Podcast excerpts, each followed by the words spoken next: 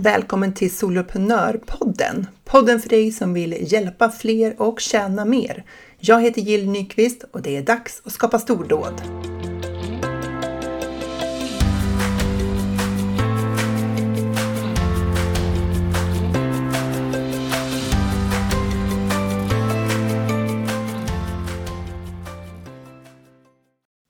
Idag har jag med mig en av mina medlemmar i Soloprenörerna. Det är Martina Moström Liljegren som är inspiratör och business coach. Varmt välkommen till Soloprenörpodden Martina. Ja men tack Jill, så häftigt att få vara här. Det ska bli jättespännande att få höra mer om din företagarresa. Men du måste berätta vart du står just nu. Så här, vad är det du gör? Vilka är det du hjälper? Mm, absolut. Jag guidar och coachar själsnära entreprenörer att våga lyssna inåt och skapa sin egen väg. Och det gör jag genom att eh, hjälpa till att tydliggöra deras unika styrkor och bygga kring det som är viktigt på riktigt. Och det gör jag också genom att hjälpa till att hitta den här viktiga balansen mellan att vara och göra. Och idag så hjälper jag till genom min membership som heter Business in Harmonies Membership. Och jag hjälper också till genom mitt nära coachande mentorskap som jag har i one-on-one-koncept. Och jag har ju också mitt nya underbara upplägg, mitt eh, ja, lite grann succékoncept får jag faktiskt säga som är nytt för våren och det heter Human Design plus Business. Just det. Oj, det var många intressanta saker. Jag skriver upp. eh, Eh, Eh, jag, jag, älskar ju det som du säger, att eh, liksom, hitta balansen mellan att vara och göra. Eh, och sen, så det skulle jag vilja prata lite grann om. Men du sa också själsnära entreprenörer. Vad är det för något? Hur vet man att man är det? Mm, hur vet man det? Eh, hjärtenära eh, säger jag ibland också, men lite, alltså jag tror att jag identifierar mig som det och jag tror att man kanske känner att man är lite mer alltså, kopplad till de här mjukare värdena. Eh, många av de som söker sig till mig identifierar sig också som högkänsliga, som jag själv också är, eh, som jag upptäckte efter många år. Så ja, men lite de här, att de här viktiga, alltså de här mjukare värdena är ganska viktiga och att man har eh, behov av att ge liksom, själen plats i det man gör, att det behöver få vara kopplat till det som är viktigt på djupet. Liksom. Och vad betyder det här liksom, att eh, ha en balans mellan att vara och göra? Då? Mm. Ja, men det har ju med... Efter många år så landade jag i att det fanns något superspännande som man kan kalla för de här feminina och maskulina energierna. Och det tänker jag, det har ju direkt att göra med det här som man kan kalla för vara och göra också. Och jag kommer ju från en historia av att vara enbart i det maskulina, alltså görandet. Det var så jag gjorde mitt företagande under jätte, jättemånga år. Och det var också så jag trodde att man var tvungen att göra för att liksom lyckas. Um, så att just det här att hitta den här balansen mellan att göra och vara. Och just att man förstår att man kan ha det som ett verktyg i sitt företagande, att faktiskt tillåta sig att vara. Och det kan ju vara till exempel att Alltså det maskulina, det som jag var väldigt mycket i tidigare, det var ju till exempel att alltså jag hade superhöga mål, alltid fokus på prestation. Det var liksom prestation som var det väsentliga. Eh, att ta action, ständig action, att ha en eh, väldigt tydlig struktur, fokus på resultat. Och allt det här är ju jätteviktigt i ett företagande, men man behöver ju ha en eh, balans.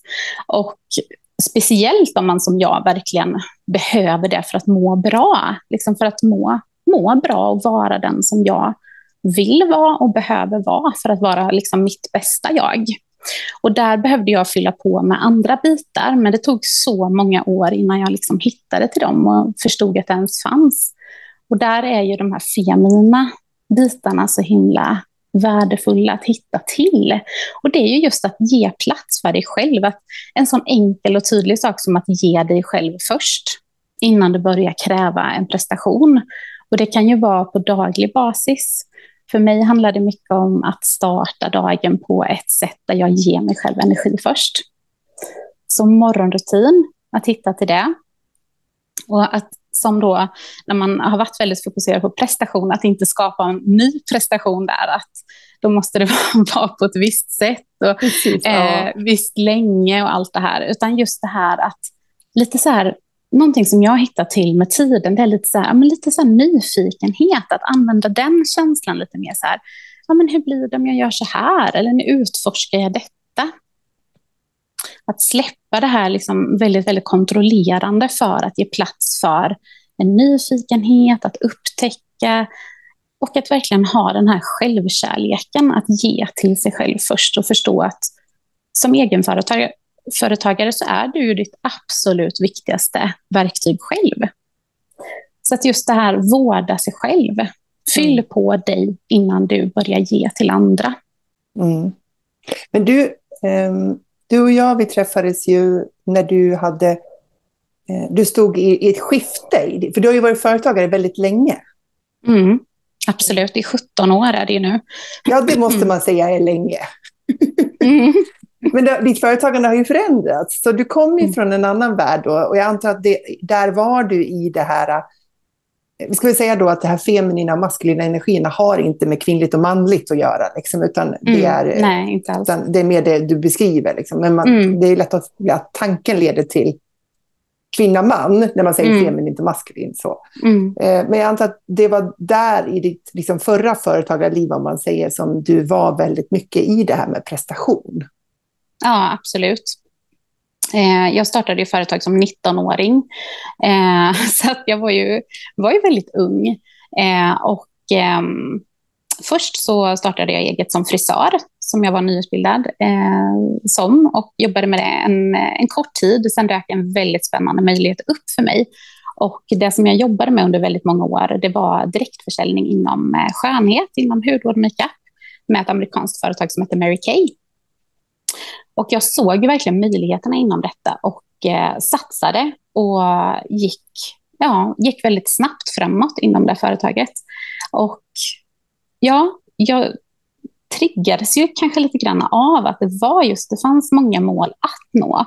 Det fanns mycket att liksom prestera i. Och jag har nog alltid varit väldigt högpresterande, så att någonstans så liksom tog det fart, kanske ännu mer i och med detta. Mm. Um, och man blev alltid, alltså omgivningen, både där men också i företagande i stort, är ju väldigt uppmuntrande till att öka, till att prestera. Um, men jag tror också att när man, är, när man har den Alltså när man har det väldigt naturligt att vara högpresterande så behöver man något annat. Man behöver inte att man blir på, liksom, peppad ännu mer i det så mycket, utan just det här att man blir inspirerad och guidad i att jättebra, men, men prestationen är inte allt och det finns annat att prestera i. Inte bara det här liksom, som man kan mäta i resultat hela tiden, utan just hur vill du leva, hur vill du må, hur vill du ha det? Liksom. Mm. Ja, verkligen. Jag kan känna igen mig i det där att här, man behöver öva på olika saker. Och är man liksom en väldigt prestationsperson i grunden så är, är man då i sammanhang där fler är sådana, då är det ju väldigt lätt att det dras med och det blir ännu mer av det. Och det man egentligen behöver då är en form av motvikt till det för att få en, mm. få en rimlig livsstil. Mm. Men du jobbade ganska länge då inom det här Mary Kay. Mm, ja, men det gjorde jag. Eh, jag jobbade med det i, eh, som ledare, ska jag säga, så jobbade jag med det i 15 år. Mm. Så då jobbade jag både med, med ledarskap, med utbildning, jag jobbade som mentor för en större grupp med kvinnor. Och jag jobbade också parallellt då med min egen kundkrets, med försäljning och eh, ja, det som blev min framgång, för att i början så hade jag lite svårt att liksom hitta till det här med en stark försäljning, just för att jag alltid identifierat mig som en, som en ganska sådär varm person, alltså ganska lugn, inte, absolut inte som någon pushig säljare. Liksom. Mm. Eh, så där behövde jag hitta mitt sätt. Och när jag gjorde det, när jag förstod att jag behöver inte sälja som någon annan, utan jag kan sälja som mig, så lossnade jättemycket. Och jag fokuserade ju på relationer. För det, det är det som är viktigt för mig, som både privat men också i företaget, så är det väldigt viktigt med relationer för mig. Mm.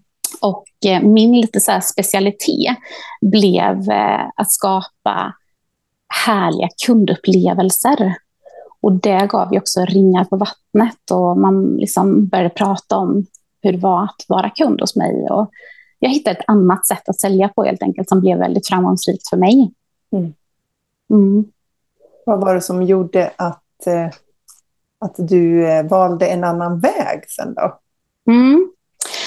Precis, jag, jag gasade på under många år och eh, det blev eh, fantastiska framgångar och jag lärde mig jättemycket verkligen på vägen. Och vann Men, priser? Ja, visst, absolut. Jag blev till och med bäst i Sverige. Det finns olika ja. kategorier, men jag har varit bäst i Sverige, jag har varit bäst i Norden flera gånger, fick åka till USA på häftiga resor och eh, representera det här företaget. Och, och det känns, alltså jag tycker att det är liksom lite extra spännande just att du blev så otroligt framgångsrik med din försäljning, att du faktiskt var bäst i hela Sverige och fick åka till USA och sådär.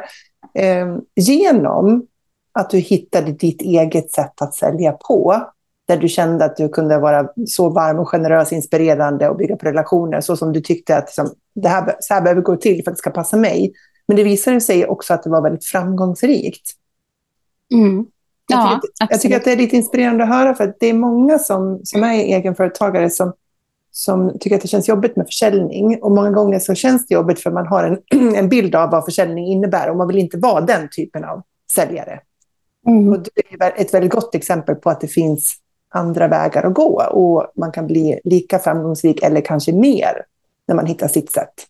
Mm. Ja, men absolut. Och det är ju det här som är, som är kärnan egentligen i det jag gör idag. Att verkligen hjälpa kvinnor att hitta sina sätt, sina vägar och bygga kring sina unika styrkor. För det, det är då någonting lite magiskt sker, mm. när man hittar just sitt sätt. Men till din fråga där vad det var som mm. förändrades. Mm. Eh, ja, men det förändrades, saker och ting förändrades successivt. Dels så fick jag ju lära mig den hårda vägen att man behöver ha balans för att hålla. Eh, och det fick jag lära mig genom en väldigt tuff utmattning. Så, um, ja, så det, det blev ju liksom ett, ett tvärstopp där som jag var tvungen att liksom hantera och ta mig vidare ifrån. Och jag lärde mig jättemycket efter det. Jag lade om väldigt mycket. Och det blev betydligt bättre liksom, för mig. Sen eh, blev jag ju mamma 2014 och då var det nog lite som ett uppvaknande. För jag, jag hade ju tyckt att det var väldigt roligt med mål. Alltså jag tycker de bitarna är väldigt roliga också. Speciellt när jag hittade till, till de här sätten som funkade för mig. Där man, liksom, där man fick vinna ofta. Istället för att ha det här skyhöga målet som allt annat var liksom, förlorar man inte nådde det, som, så som jag hade jobbat tidigare. Um, men någonstans där när jag blev mamma så bara blev det ett ganska stort skifte för mig. Jag bara kände att ja, men, de här prestationerna, de här fina titlarna, de här siffrorna, alltså det, det var inte så viktigt längre. Mm. Um, och jag behövde få känna mig närvarande. Jag behövde få känna att jag räckte till. Och någonstans så kände jag också så här att ja, men ännu mer när jag blev mamma till, till min flicka, andra gången jag blev mamma två år senare, så kände jag bara så här, vad vill jag föra vidare?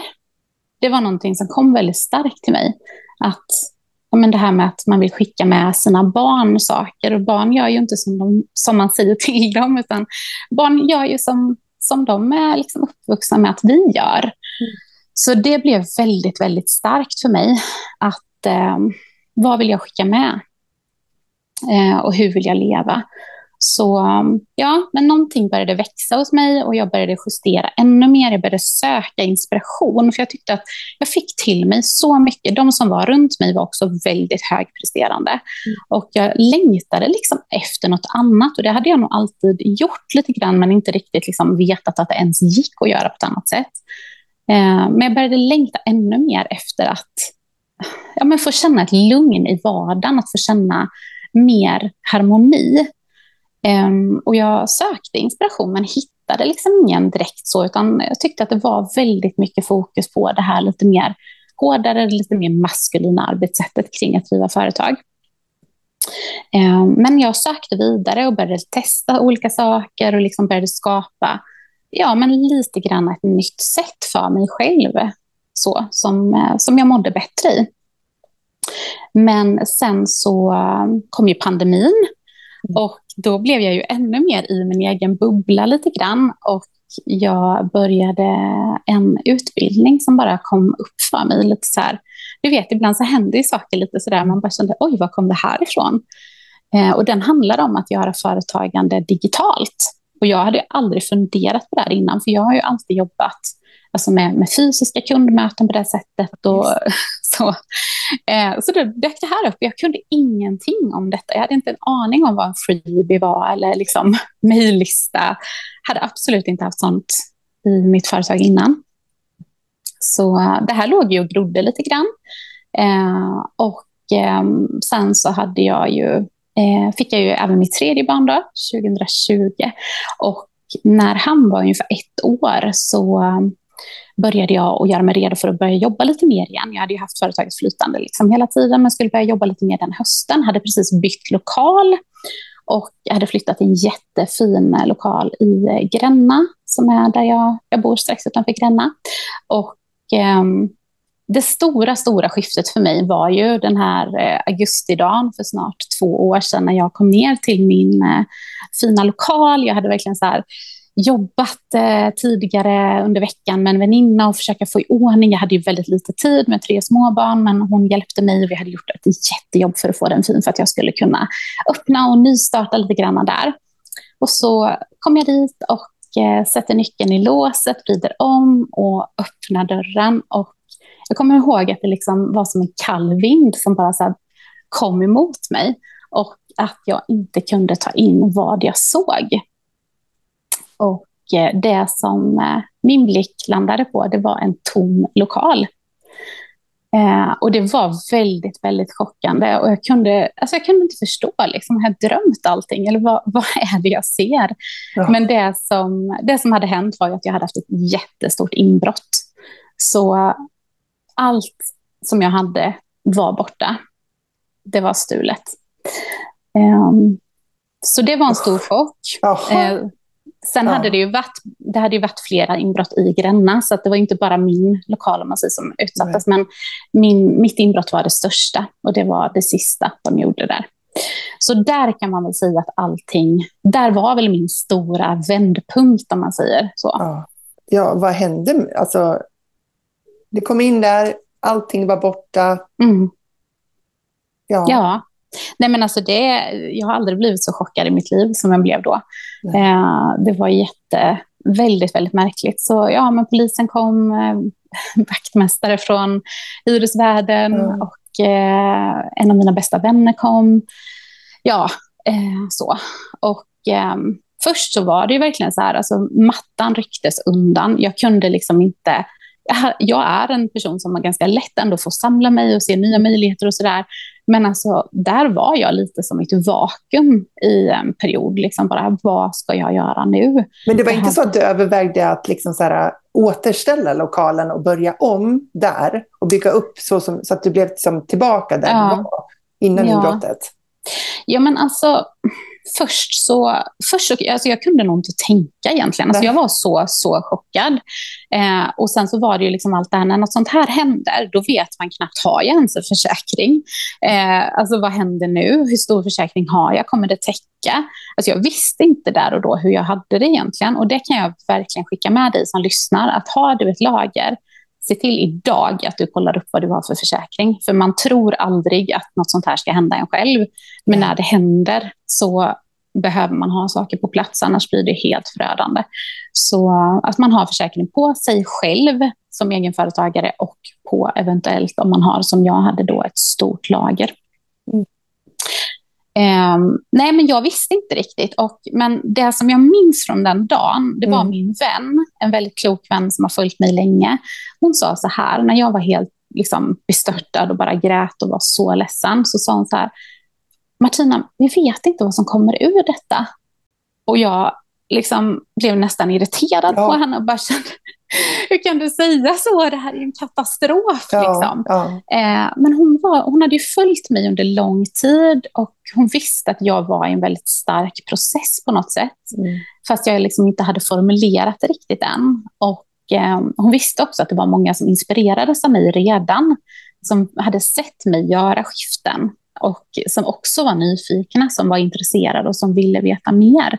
Så jag tror att hon, liksom, hon var den som såg en möjlighet före för mig helt enkelt. Ja, men hon hade följt dig och hon hade liksom ja. sett vad som hände kring dig. Men kanske också mm. så att hon sett vad som hände i dig. Liksom, att, ja. ja. Så hon kanske snabbare kunde se att det här var, det här var en vändpunkt. Ja, ja men, men när insåg du det? Då? Liksom, hur såg stegen ut efter det där när du började liksom, utforska nya vägar? Mm. Nej, men det, tog, det här var ju fortfarande liksom lite pandemitider och det var inte lätt att, eh, eftersom att jag då jobbade med liksom produkter och försäljning på det sättet, så, så hade jag ju behövt att få in nya produkter väldigt snabbt om jag skulle kunna köra på som vanligt. Mm. Men det var, det var väldigt svårt att få tag i produkter då, för det var, ju, det var ju stopp i eh, många led. Liksom. Mm. Så att det tog ganska många veckor innan jag liksom fick hem någonting att kunna jobba med. Och just den där tiden, det här stoppet öppet. Ja. Alltså så här i efterhand så är det nästan lite läskigt att det här hände. För att det gav ju mig space att hinna tänka. Det gav mm. mig space att se att det kan finnas andra möjligheter, andra vägar. Eh, och jag tror att den här drömmen att... Jag har alltid brunnit väldigt mycket för kvinnliga företagare.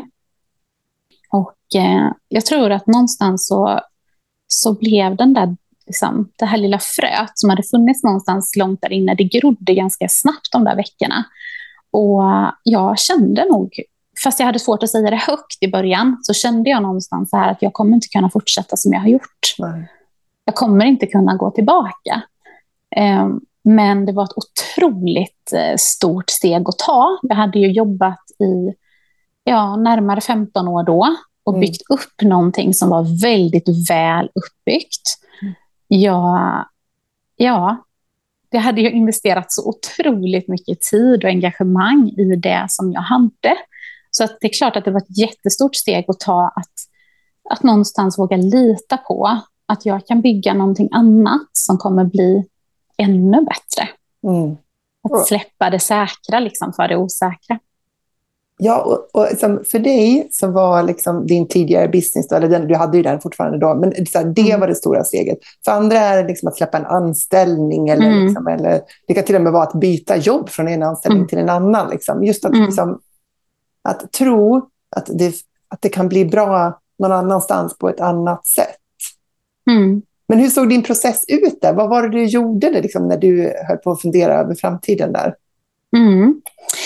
Ja, men alltså du dök ju upp för mig eh, någonstans i den vevan, så jag hoppade ju på din membership där och eh, det är så kul att vara med i din podd, Jill, för din podd är ju den podd jag absolut har lyssnat mest på. Och, det är som en cirkel i sluten här. Ja, ja, men absolut. Som har betytt jättemycket för mig i den här liksom, resan, i det här skiftet. Och eh, att vara medlem hos dig har också betytt väldigt mycket. För att jag kände ju ganska snabbt att membership liknar lite grann mitt arbetssätt sen innan. Jag trivs otroligt bra med det Eh, det här lugna, liksom den här lugna inputen. Det är inte en intensivkurs, utan det är liksom den här lugna, stabila, behagliga liksom guidningen hela tiden. Ehm, så dels det, att jag var i den processen, att ja, men det är nog en membership som kommer att vara kärnan i min nya verksamhet. Ehm, och sen så dök en annan jättespännande kurs upp och eh, det var ju också på något vis via dig, tror jag, via någon, ja, om det var ett avsnitt eller jag hörde om det. Eh, det var en kurs som handlade bland annat om human design ja. med Kiki. Mm. Eh, så att den dök också upp och det var en kurs som jag startade på våren där sen. Eh, och sen öppnade jag min membership i mars så det är ett år sedan lite drygt då, som jag startade membershipen.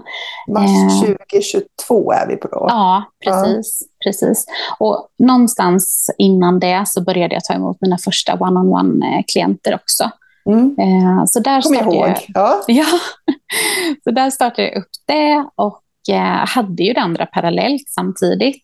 Men kände ju, alltså det skavde ju så i mig när jag liksom var i den här processen. Och det är inte så lätt heller att ha två två fokus som är liksom så stora. Ja, jag vet, det är inte lätt. Nej, nej, man kanske tror att det är det, men nej, det är inte så enkelt faktiskt. Eh, och så bara kände jag ju hela tiden att jag drog så otroligt mycket till Business in Harmony, att få liksom jobba i det, att få dela detta. Jag visste liksom hur stor skillnad det gör när man får ett annat perspektiv och när man får nycklarna. För det var ju det jag liksom, eh, där fick jag ju också stödet ifrån din membership att formulera, för den behöver ju såklart vara tydligt om man ska kunna hjälpa till. Eh, formulera vad det var jag hade jobbat fram. Så att jag har ju, min eh, membership vilar ju på Business and Harmonys framgångsmodell. Mm. Och där är det ju fyra ben. Och jag brukar likna det lite grann med att det är som en stol. du tänker dig att har du stabilitet i benen, då kan du sitta på den här stolen och njuta av ditt te liksom, och titta på utsikten och, och, det är lugnt. Men så fort man inte har balans, liksom, det, då, då svajar det. Mm. Så att det är viktigt att ha den här liksom, ja, stabila grunden. Och de fyra liksom, områdena som jag jobbar kring är eh, mindset och mindfulness. Det är målsättning och resultat. Och där lär jag ju ut den här typen av målsättning som jag själv jobbade fram med. Att få vinna ofta och mål på olika nivåer och sådär. Peppigt självledarskap, som jag kallar det, som är en väldigt stor del i det harmoniska företagandet. Och attrahera och sälj. Mm. Så det är de områdena som du hjälper företagare mm. som är med i, i din mm. medlemstjänst, eller din mm. membership, att utvecklas mm. inom. Mm, precis. Mm. Med målet att man ska driva sitt företag på ett harmoniskt ja. sätt. Ja, ja, men precis. Att känna att man räcker till. Att känna att man mår bra i vardagen. Att man älskar hur man har det. För att ur det så kommer så mycket positivt och allting handlar ju någonstans om din egen energi. När du mår bra så är det så himla mycket lätt lättare att attrahera. Det är så mm. himla mycket lättare att ha en energi bakom det du säger och gör som gör att människor blir nyfikna. Och just det här harmoniska företagandet, det är ju också någonting som, som, som människor är nyfikna på. För må, många längtar efter något annat. Längtar efter att må bättre, längtar efter att räcka till. Liksom. Så att det i sig är någonting som hjälper till i företaget också, så att företaget utvecklas och, eh, och blomstrar. Mm. Alltså jag har ju följt din resa då under den här tiden och Eh, jag eh, har ju sett liksom, din utveckling och du har ju gått från klarhet till klarhet och blivit tydligare och tydligare liksom, i dina erbjudanden. Och någonting som jag har sagt till dig några gånger som jag varit så imponerad över, liksom, det är hur du här, skapar erbjudanden och sen modifierar dem, liksom, både i liksom, innehåll men också i prissättning. Att du ganska mm. snabbt liksom så här, kommer in på ett, ett en prisläge och sen liksom utvecklar du tjänsterna och du utvecklar prissättningen på det där. Och att du, det här liksom tar inte flera år.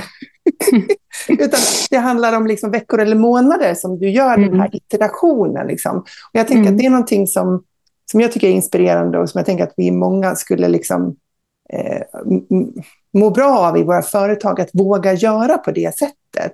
Vet du vad jag mm. menar för processer? Som... Mm. Ja, ja men absolut. absolut. Um, nej men det har jag gjort. Uh, och det är väl också det här liksom att, ja men att våga testa. Mm. Uh, och sen så handlar det också om mycket att, att göra på ett sätt som passar en själv. Och för mig, um, nu när jag har det verktyget som, som human design har inneburit för mig, så vet jag att det är ett väldigt liksom, bra verktyg för mig att testa mig fram. Jag behöver få testa. Liksom. Mm. Och det är ju är väldigt, väldigt många som, eh, som kan känna igen sig i det. Liksom, att man behöver få prova. Men jag är liksom inte rädd för det. Nej. Utan jag, jag tänker så här, att när jag tar fram någonting, jag vet vem jag vill hjälpa med detta eller vem jag kan hjälpa med detta. Och eh, då tänker jag så här, men då, då vill jag, jag vill testa det i praktiken. Jag vill liksom få ut detta, få respons, se liksom, hur kan jag förfina, hur kan jag förbättra. Eh, och man behöver ju som företagare också vara så pass stolt i det man gör och liksom våga ta betalt. För att vi behöver ju kunna leva på det vi gör. Mm. Um, så att, ja, absolut. Jag tänker att det, eh, det, det, är det där jag menar när jag brukar säga här i podden, att man kan inte tänka sig till klarhet, utan allting som vi skapar utifrån vår kunskap och erfarenhet eh, är en hypotes om att kunna hjälpa någon annan. Det är en hypotes. Det är den bästa hypotes vi har för, för närvarande. Men det är först när den träffar verkligheten, när den där säljsidan möter en läsare eller när en, liksom, en kund möter vår tjänst och vår leverans. Det är först då vi vet på riktigt hur det fungerar. Det är där facit kommer. Den kommer inte hemma på lagret när vi sitter och, och fixar med det här. Liksom. Och Det är precis det som du säger, att här, du vågar kliva fram och du vågar låta någon möta upp det du har skapat och se hur funkar det. Mm. Och det, mm. det gör ju att din, din resa går ju snabbare framåt då. Mm. Eh, än om du hade suttit och sånt här, tänkt så här, jag ska komma på den, den bästa varianten av det här erbjudandet så jag kan gå in på det här priset direkt. Mm. Mm. Ja, men absolut, och just det här med prissättning, att, att man kan ju alltid höja, liksom. men sen ska man absolut inte börja för lågt.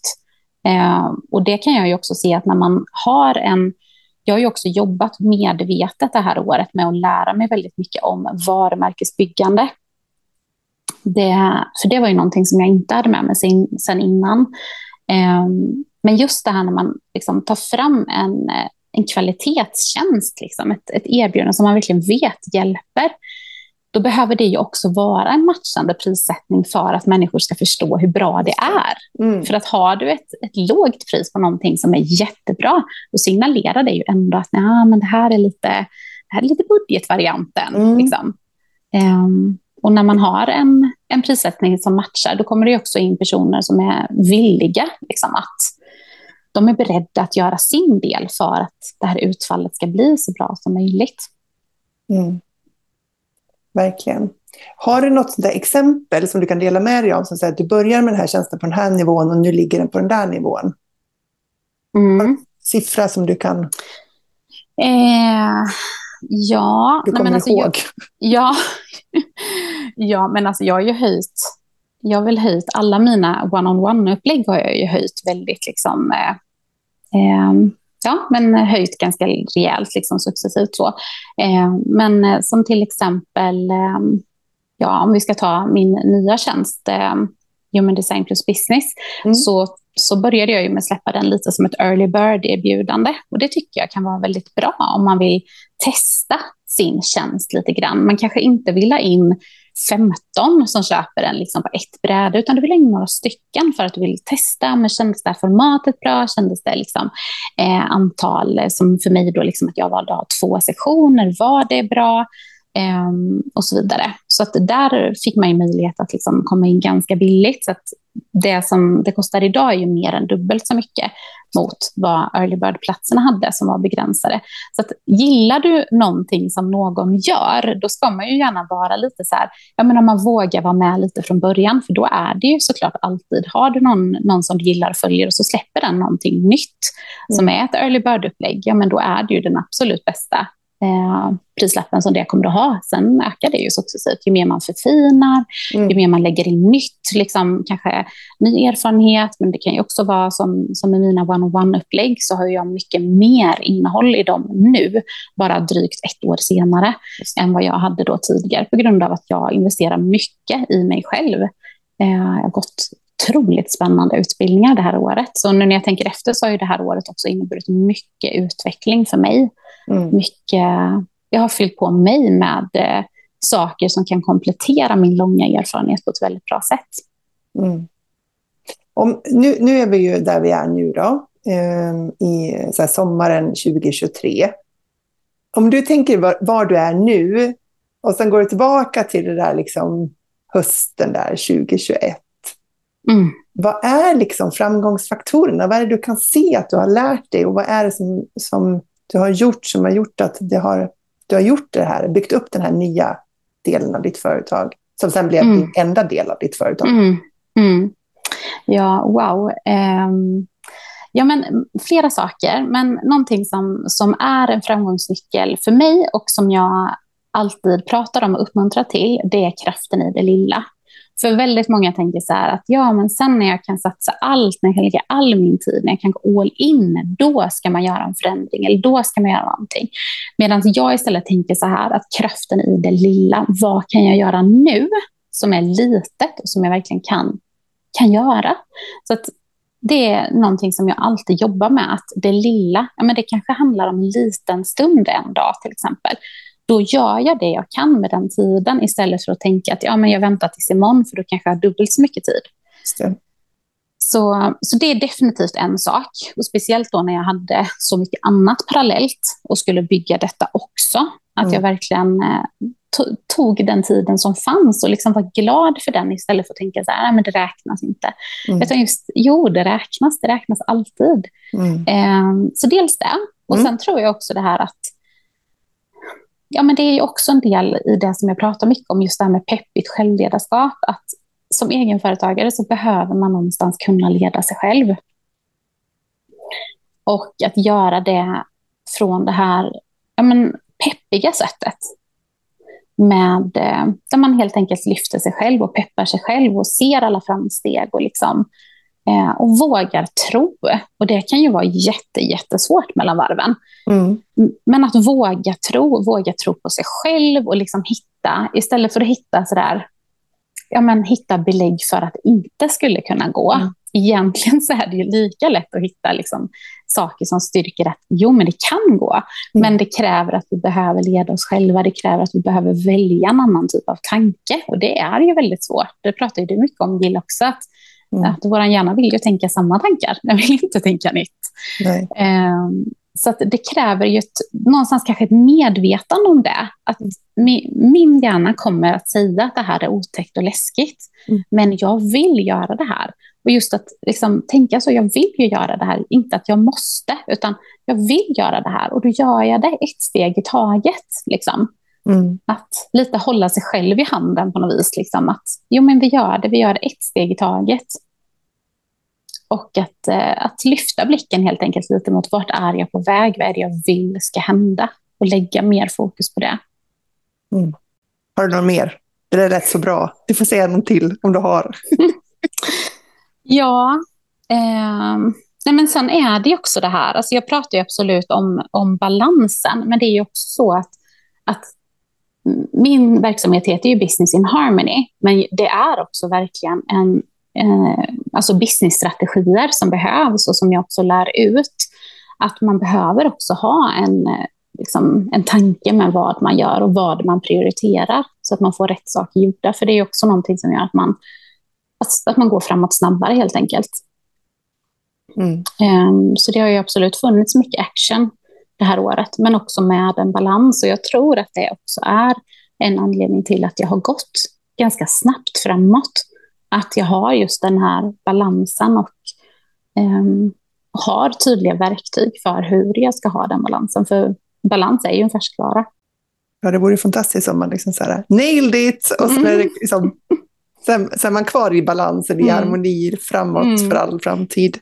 Mm. Om vi skulle blicka liksom framåt, så här, avslutningsvis då, för ditt företagande, vad är det du ser framåt? Mm. Eh, jo, men jag ser väldigt spännande saker eh, som jag jobbar på. Alltså, dels eh, membershipen är ju lite grann kärnan i, eh, i Business in Harmony, så att fortsätta nå ut med den till fler, fortsätta bygga upp. Ehm, och att använda de här spännande verktygen som jag har eh, och paketera det. Jag har en ny idé som vi får se, som kommer lite längre fram. Ehm, men där jag kommer att hjälpa till på en ännu högre nivå, på ett ännu mer specifikt sätt.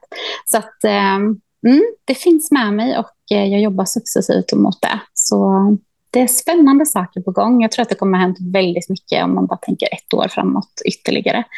Eh, och det känns otroligt rätt det jag gör nu. Och det är liksom någonting som är så himla viktigt för mig, att få känna att det är viktigt. Liksom. Jag brukar säga viktigt på riktigt, liksom. Mm. att man känner att det är, ja, men det är viktigt på djupet. Och jag känner att det, det, finns så mycket mening i det jag gör och jag absolut älskar att jobba med de kvinnor jag jobbar med idag.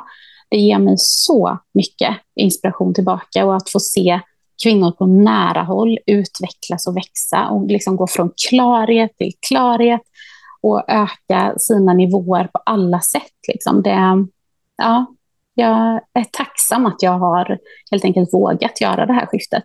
Mm. Ja, det är helt fantastiskt. Om man nu blir väldigt inspirerad av detta vart, och vill läsa mer eh, om dig och vad du kan hjälpa till med, vart går man då? Ja, jag finns ju på Instagram och där heter jag Business in Harmony och sen så finns jag också på min hemsida. Där kan man läsa, läsa allting om eh, vad jag erbjuder och läsa mer om mig. Och den heter businessinharmony.se. Tusen tack för att du var med i Soloprenörpodden, Martina. Tack snälla Jill. Och du som lyssnar, kanske är det just Business in Harmony som är din väg till stordåd.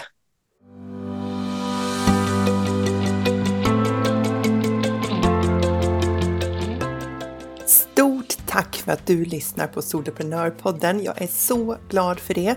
För att du inte ska missa när ett nytt avsnitt kommer ut så prenumerera gärna på podden i den poddspelare som du använder så vet du att du alltid får en notifiering när det är dags för ett nytt avsnitt. Om du vill får du gärna ta en skärmdump av det här avsnittet och tagga mig på Instagram i en story, solopreneur.nu. Jag tycker det är galet roligt att se alla er som gör det, för då vet jag ju att just du lyssnar och det är ju helt fantastiskt. Stordådligt, som jag skulle kunna säga.